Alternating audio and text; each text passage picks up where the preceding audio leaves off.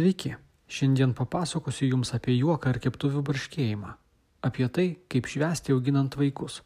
Su Jumis vėl sveikinuosi aš, psichologas Vytis Valantinas, Jūs klausotės 11-osios tėvų podcast kanalo laidos. Pradėkim. Daugeliui vaikų į namus ateinantys svečiai yra savotiška šventė. Ji reiškia, kad bus galima daugiau pašėlti, kad ateis ne tik suaugusieji, bet ir vaikai, kartais neįsikio anksčiau nematyti. Bendravimas su šeimos draugais, jų kvietimas į namus yra svarbi gyvenimo dalis. Tie nepažįstami dėdės, tėtos, o kad ir pažįstami, bet retai matomi, vaikams yra įdomus. Štai vienas atrodo nuobodus, o kitas labai jokingas ir jokingai išneka su juo linksma. Kitas kalba nesuprantamai ir svarbu, ar galima ko nors jo paklausti Kitas štai yra tylus ir negali suprasti, apie ką jis tyli, o kaip prabyla nustembi. Tarsi akmo būtų prašnekęs balsu. Visa tai yra kažkuo kitas pasaulis. Kitoks nei darželėje, kompiuteryje ar kieme. Ir vaikams reikia leisti jame pabūt, pasipliuškentame naujame užutekyje.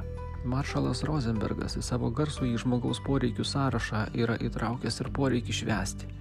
Tai poreikis juokų ir keptuvių barškėjimui poreikis apjaukti visus namus taip, kad paskui nieko neberastum. Ir vaikams yra svarbu švęsti. Šventė atėjus vaikų nereikia išjungti kaip elektros. Jie yra namuose ir turi teisę juose būti ne kaip baldai, o kaip žmonės. Kartais belaukdami svečių suaugusieji svarsto, ar ruošti vaikams atskirą staliuką, taip kad suaugusieji sėdėtų prie didesnio, o vaikai prie mažesnio staliuko. Ar bus čia jie svarsto, kad žiūrėk koks geresnis efektas, o gal reikia sudinti vaikus prie vieno stalo kartu su suaugusiais? Iš tiesų turbūt nėra taip svarbu, ar mažas stalas, ar didelis kartu, ar atskirai. Paprastai vaikai prie bet kokio stalo išbūna gana trumpai, nes jie bendrauja vieni su kitu žaisdami. Jei ateina svečiai su vaikais ir tai yra žinoma iš anksto, galima tam pasirenkti, ne tiek ruošiant atskirą stalą, bet pasvarstant su savo vaikais. Ką jie žais, kur, kokius žaislus jie leis imti svečiams, o kuriuos jie norėtų padėti kažkur atokiau, pasaugoti. Kiekvienas vaikas turi savo brangenybių, tai suprantama, tai reikia gerbti. Kai vaikai turi ką veikti su naujais draugais, jie labai greitai nustoja domėti suaugusiais ir užsieima savais reikalais. Sugrįžta jie į bendrą su suaugusiais erdvę tik tada, kai žaidimai išsenka arba reikia kokios suaugusių pagalbos. Pravartu suaugusiems šeimininkams iš anksto susitarti, kas bus tas pagrindinis žmogus, kuris esant reikalui užsiims vaikais. Eis spręsti konfliktų kilusių dėl žaislo, žaidimo vietos ar žaidimo taisyklių.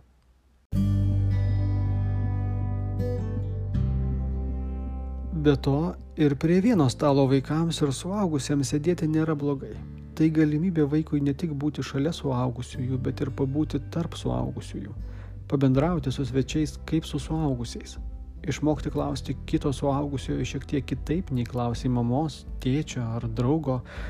Žinote, jų galima prie šventinio stalo valgyti tik tam, kad pavalgytum. Ir tada svarbiausias dalykas yra lėkšti, bet galima bendrauti valgant. Ir tada maistas yra tik priemonė, atributas, padedantis būti kartu. Vaikai turi išmokti tokių dalykų, juk kiek kavos arbatos mes suaugusieji išgeriame tik tam, kad pabendrautume. Juk kai sakome, einam, išgersim puodelį arbatos, aš tau paruošiu. Mes iš tiesų sakom, einam, pasikalbėsim, pabendrausim. Šitai mums yra svarbiau už visą Kinijos arbatą. Aš tuo labai tikiu, nors kartais abejoju. Juk šiandien mes didžiąją dalį laiko praleidžiame žiūrėdami nebe į žmonės, bet į ekranus. Netgi būdami svečiuose, laikai, kuriais mes gyvenam, kada nors bus pavadinti ekranų amžiais.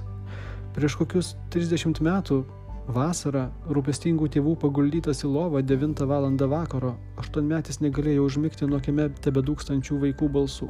Kur jie dabar? Mes gyvename ekranų laikais, kai vaikai nebeūbauja kiemuose, neragauja lietaus, neieško keistų vabalų, nešneka su gatvės katinais. Pakviesk vaiką atsitraukti nuo žaidimo ir ateiti. Palauk, dabar negaliu atsakys jis tau. Žūsiu. Jo nuotykiai nebekime kaip Mamontovas dainuoja, jie kitoje erdvėje, kitam laikė. Šeimos šventės, kuriuose žmonės susitinka padainuoti, pasikalbėti, pabūt, pažaisti, šitame kontekste yra didžiulė vertybė.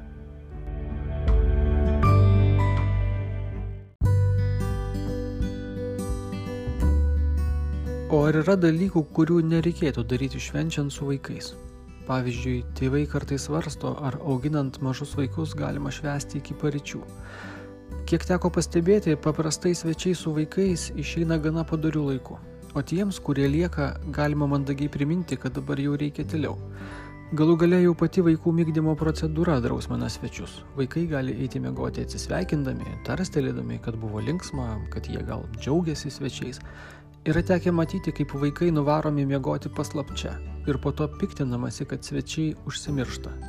Iki paryčių drąsiai galima švęsti, jei yra atskira tokia patalpa, kurioje vaikai miega. Jeigu to nėra, tai ir tėvams, ir svečiams būtų gerai priminti, kad ir vaikai, ir suaugusieji turi lygias teisės į ramybę ir poilsį. Kitas svarbus aspektas, kiek audringai galima švęsti su vaikais.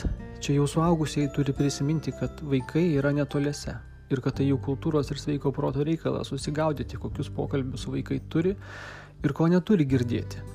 Rimtos suaugusių išgirtuvės absoliučiai daugumai vaikų yra trauminis patyrimas. Gal jos daliai suaugusiųjų netrodo kaip koks didžiulis įvykis, bet mažam vaikui tai tikrai gali sukelti stiprius jausmus. Vieno tokio vakaro gali užtekti ilgam. Taip jau yra, kad gyvenime dalykus, kuriuos suaugusieji suvokia kaip normalius, vaikas gali patirti kaip didelį sunkumą, nes dar nėra tam subrendęs.